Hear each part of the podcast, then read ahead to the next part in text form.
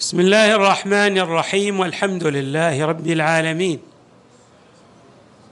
والصلاة والسلام على أشرف الخلق سيدنا ونبينا محمد وآله أجمعين الطيبين الطاهرين قال الله تعالى في القرآن الكريم والذين استجابوا لربهم وأقاموا الصلاة وأمرهم شورى بينهم ومما رزقناهم ينفقون.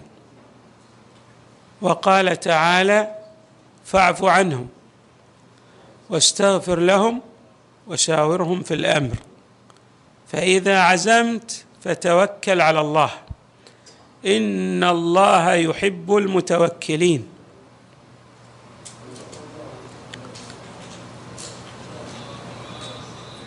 من أسس التقدم والنجاح المشورة المشاورة وأخذ الرأي الآخر من لدن الغير أس عظيم من أسس التقدم والنجاح. وقد أولي هذا الأس عناية في آيات القرآن الكريم وكذلك في الروايات الواردة عن النبي صلى الله عليه وآله والأئمة من أهل بيته عليهم السلام. المشورة هي طلب الرأي الصائب عندما تريد أن تستشير شخصا تريد في الحقيقة أن تستنصحه للإفصاح عن الجانب السلبي والايجابي لهذا العمل الذي تريد أنت أن تقوم به. فيبدأ المشير في ذكر الإيجابيات والسلبيات. مما يلفت انتباهك إلى بعض النقاط التي قد تكون أنت لست بملتفت إليها لولا هذه المشورة. المشورة من الأهمية بمكان والإنسان من خلال المشورة يصل إلى الرأي الصائب. كلما استشار غيره بالخصوص إذا كان هذا الغير من أهل الاختصاص في المعضلة أو الأمر الذي يريد أن يقوم به الشخص المستشير. سوف يجد ماذا؟ يجد الرأي الصائب أو الرأي الذي هو أقرب إلى الصواب. قبل أن أتحدث عن الروايات وعن أيضا بعض الآيات الواردة في المشاورة حري أن نلتفت إلى نقطة هامة. هو أن الإنسان مهما بلغ في قدراته في إمكانياته فهو محدود. وبمعنى آخر يحتاج إلى غيره. هو ليس بكامل. الإنسان بطبيعته يحتاج إلى من يسدده. من يصوب رأيه من يشرح له الجوانب السلبية والإيجابية للرأي الذي ينوي القيام به. فاذا الإنسان ما عنده كمال ولهذا يحتاج إلى المشورة. هنا أيضا حري بنا.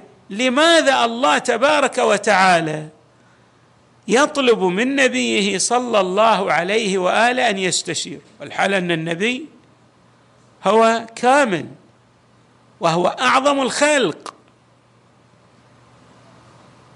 ينبغي أن نلتفت. النبي ليس بحاجة إلى غيره ليصوب له رأيه. لأن القرآن الكريم يفصح لنا عن هذه الحيثية وما ينطق عن الهوى إن هو إلا وحي يوحى. وإمامنا أمير المؤمنين أيضا يبين لنا أن النبي صلى الله عليه وآله قرن الله به ملكا من أعظم ملائكته. يسدده في كل خطوة من خطواته. فاذا النبي ليس بحاجة. لماذا الله تبارك وتعالى يطلب من نبيه أن يستشير؟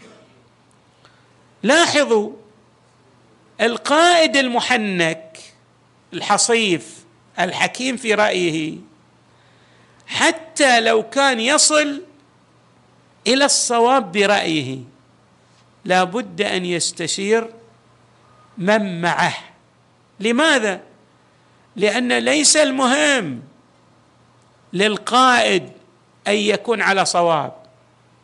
من الأهمية بمكان أن ترفع مستوى المقودين إلى رتبة فكرك. بمعنى تنهض بهم. بحيث يستوعبون الرأي الذي تريد أن تتخذه أنت. فاذا النبي صلى الله عليه وآله والأئمة من أهل البيت والبقية أيضا من الأنبياء والرسل عندما يستشيرون ليس لحاجة وإنما لرفع مستوى الناس. بمعنى لما يرجع إلى الكاملين من المجتمع فيقول لهم يعني بعبارة أخرى يوصل أذهان جميع من معه إلى صوابية الرأي المتخذ. يعني يقول الجميع إن هذا الرأي هو الأقرب إلى الصواب الأقرب إلى الصواب. لماذا؟ لأن المشورة تتضمن في داخلها الحوار الهادئ الحوار الرصين الأخذ والعطاء وبالتالي يصل الجميع إلى إدراك أن ذلك الرأي المتخذ إما هو الصواب أو هو الأقرب إلى الصواب. فاذا ليس من الأهمية بمكان أن تكون فقط أنت على الصواب. بل من الأهمية أيضا أن توصل من معك إلى الرأي الصائب أو إلى الرأي القريب من الصواب. وهذا لا يتأتى إلا من خلال المشورة. كما ان المشورة فيها جنبه إيجابية. ما هي هذه الجنبه هناك أناس في المجتمع يحتاجون إلى ميران. إلى ممارسة إلى تصويب في آرائهم إلى رفع مستواهم بشكل تدريجي. وهو ما نطلق عليه النضج في اتخاذ القرار. فكلما استشار الإنسان وكانت البيئة بيئة ماذا نظيفة كما نعبر. يعني غير مشوبة بأناس لهم مقاصد سيئة. فالذين يريدون أن يصلوا إلى الصواب من النشء من الناس الذين عندهم أهداف حسنة ولكنهم لا يدركون الواقع لا يدركون الواقع. هؤلاء الناس تحتاج أن ترفع مستواهم بشكل تدريجي. ولهذا النبي صلى الله عليه وآله ترونه في غزوة بدر كيف يستشير؟ وهو يعلم إنه راح الله أخبره إنه راح ماذا يحارب مع ذلك قبل الحرب يستشير. المسألة يعني من البداهة بمكان بالنسبة للنبي بعد إخبار الله لأنه راح ماذا؟ يدخل في الحرب وينتصر وراح يكون هذا النصر يصبح نصرا مؤزرا. ولكن النبي ليس الهدف فقط من استشارته. أن يعني يوصل الجميع فقط إلى الرأي الصواب بل أيضا أن ينضج بعض الناس من خلال هذه التداول والتعاطي وضرب الرأي بالرأي الآخر. راح يتمخض. من خلال هذه المشورة النضج لبعض الحاضرين بحيث لما تمر عليهم قضايا أخرى يسهل عليهم اتخاذ الرأي الصائب أو الأقرب إلى الصواب كما عبرنا. اذا الله لما يأمر نبيه والنبي صلى الله عليه وآله يستشير. ليس ذلك عن حاجة إلى النبي ولكن الحاجة تكمن في رفع مستوى الناس الذين مع النبي ليرون أو ليروا أن هذا الرأي المتخذ من نبي الله صلى الله عليه وآله هو الرأي الحكيم الحصيف الناضج الذي ينبغي أن يتخذ. هذه مسألة غاية في الأهمية. أيضا لما تكون الأكثرية على رأي آه عندئذ الإنسان عندما يسير على وفق هذا الرأي بعد لا لا يعذل. لا يلام بمعنى آخر النتائج حتى إذا ترتبت على ما لا يحمد عقبى بالنسبة لبعض الناس إلا أنهم لا يلومون القائد الذي استشاره واتخذ هذا الرأي. أما الروايات فتتحدث عن الشورى والمشورة بكلمات رائعة وجميلة حري بنا أن نلتفت إليها. قال صلى الله عليه وآله إذا أشار عليك العاقل الناصح فاقبل وإياك والخلاف عليهم يعني على العاقلين الناصحين. ليش؟ قال فإن فيه الهلاك. إذا قدم إليك إذا قدمت إليك المشورة عليك أن تقبل لأنك إذا لم تعمل بهذه المشورة الصادرة من العاقل الناصح لك الأمور السلبية التي ستكون في طريقك كبيرة وقد تكون عقبة كأداة يصعب عليك أن تجتازها. إذا الروايات يعني تفصح لنا عن ذلك. ويقول صلى الله عليه وآله أيضا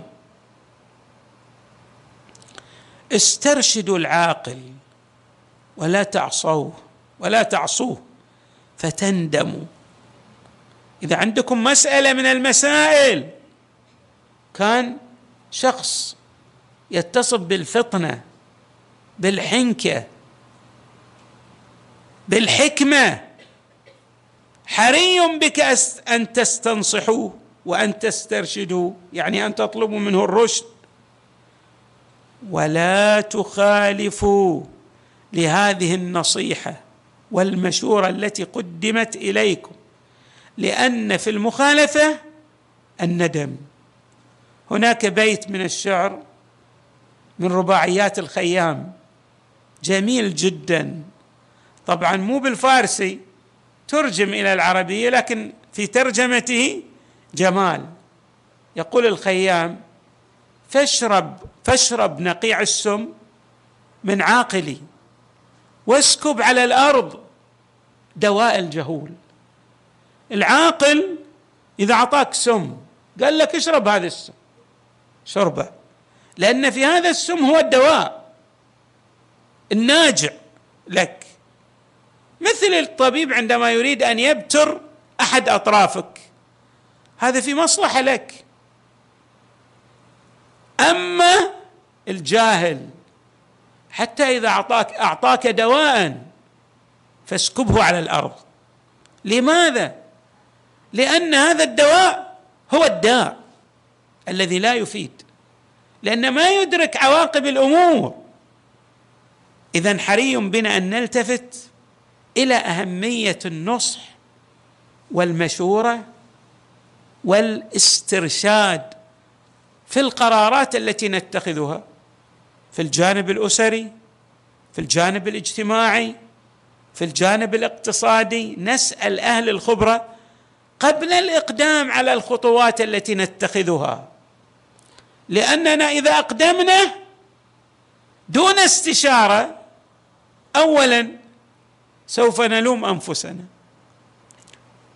وأيضا قد نقع في مطبات كما نعبر ونقول ليت. ولكن هذا كما يقال ليت أو الندامة لا تنفع ولا تحين مندم بعد الوقوع في الإشكاليات الكبيرة الناتجة من عدم النصح وطلب المشورة. الإمام أمير المؤمنين عليه السلام أيضا عنده كلمات حكيمة جدا. في الأهمية الفائقة لطلب مشورة والنصح. يقول عليه السلام إنما خص أو إنما حظ حظ بمعنى حث على المشورة لأن رأي المشير صرف ورأي المستشير مشوب بالهوى. الإنسان اللي تستشير إذا كان عاقل. هذا فاهم. كل الأشياء ينظر إليها بميكروسكوب بنظارة تريه الأمور بوضوح. أما أنت اللي تطبق الشيء قد يكون لك ميل وهوى. ما ترى الجوانب الإيجابية والسلبية. فلذلك يقول ورأي المستشير مشوب بالهوى. الآن نعطي مثال. لو واحد راح وخطب بنت شافها جميلة راح خطبها. راح سأل والده أو والدته قالت لا لا لا لا هذه ما تصلح لك. بس الوالد حكيم أو الأم هذه حكيمة ما تبغي. ستر الله على العباد مثل ما نقول. ما تبغي يعني تكشف للمغطى فهذا ما يدري هذا الابن ينظر فقط إلى الجانب الجمالي في هذه البنت. ولا يعلم بما يخبئه الواقع أو الجانب الخفي. بينما الأم قد تكون مطلعة على أسرار دقيقة جدا ولا تريد الإفصاح عنها لابنها وهكذا الأب. فإذا ترى أن بعض الأبناء عنده خطل في رأيه يعني يخالف أباه ويخالف أمه لأجل أن هذه البنت مجرد عليه مسحه جماليه ولا يعلم بالمصائب التي ماذا سيتحملها مستقبلا.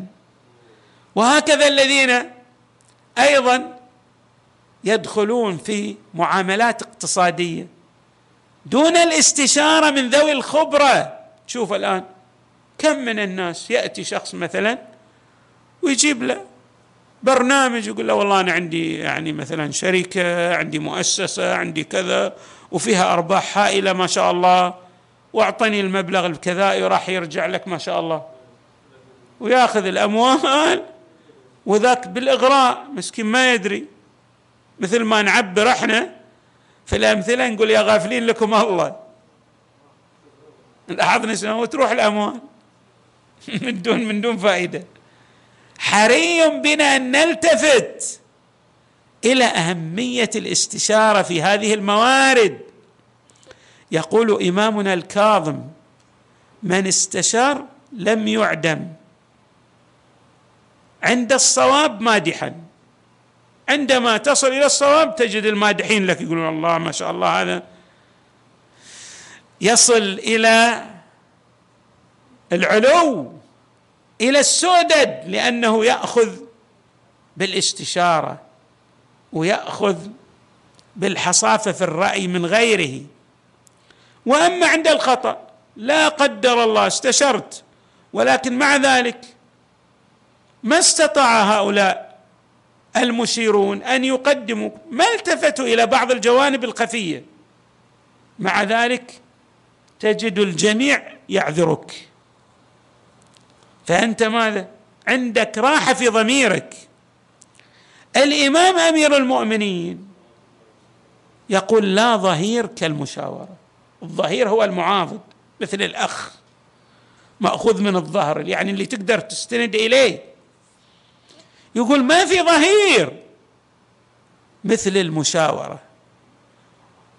وأيضا الإمام أمير المؤمنين يندد بالذين ماذا؟ يعني يصدرون في آرائهم دون طلب المشورة من غيرهم. فيقول عليه السلام من استبد برايه هلك ومن شاور الرجال شاركها في عقولها. ويقول عليه السلام أيضا من استقبل وجوه الأراء عرف مواقع الخطأ اللي توضع الأراء على الطاولة تناقش أمام ناظريه راح يصل إلى الأقرب الرأي الأصوب والأقرب من خلال هذه المشورة. ولهذا أيضا يقول عليه السلام الاستشارة عين الهداية هي حقيقة الهداية. نعم. وأيضا يقول هؤلاء الذين يتعجلون يتخذون قرار قرارات هامة ومصيرية دون استشارة. يقول لا رأي لمن انفرد برأيه. هذا اللي دائما ما يستشير أعرف إن إنسان ماذا؟ يعني ليس بناجح كما نعبر. ويقول عليه السلام من شاور ذوي الألباب دل على الرشاد ونال النصح. راح يصل إلى ما يبتغيه. نعم. والنبي يقول أيضا صلى الله عليه وسلم الحزم أن تستشير ذا الرأي وتطيع أمره. إذا كنت حازم الحازم هو اللي تصير قراراته شنو؟ فيها حكمة وصواب. يعني يتخذ الرأي كما نقول عن دراسة ودراية كأن بالتعبير الحديث عنده دراسة جدوى ويسير على ضوئها. نعم هكذا يقول النبي صلى الله عليه وآله والأئمة من أهل البيت. وأيضا رواية عن الصادق عليه السلام جميلة تقول هكذا. تقول وإياك والرأي الفطير. وتجنب ارتجال الكلام. ولا تستشير ولا تستشير مستبد برأيه. هذا اللي ما يأخذ إلا بآراء نفسه هذا لا تستشيره. من تستشير؟ تستشير الشخص اللي عنده حكمة ويعرف وجوه الصواب في الآراء المختلفة. هكذا أيضا الروايات تتحدث لنا. طيب. الناس الذين لا يستشيرون يستبدون بآرائهم ذموا. حتى لو كانت عندهم قدرات كبيرة لأن نهاية المطاف الخسران. شوفوا الله يتحدث عن فرعون. امبراطور كبير وعنده قدرات هائلة جدا. لكن عندما يتحدث مع قومه يقول ما أريكم إلا ما أرى وما أهديكم إلا سبيل الرشاد. أنا ارائي هي الصواب المطلق. وأنتم لا شأن لكم في القرارات التي أتخذها.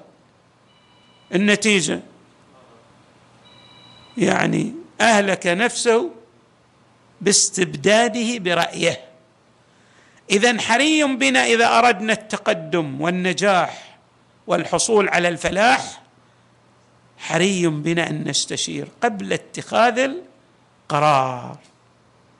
وهذا أس عظيم من أسس التقدم والنجاح. نسأل الله تعالى أن يجعلنا وإياكم مع محمد وآله البررة الميامين في الدنيا والآخرة.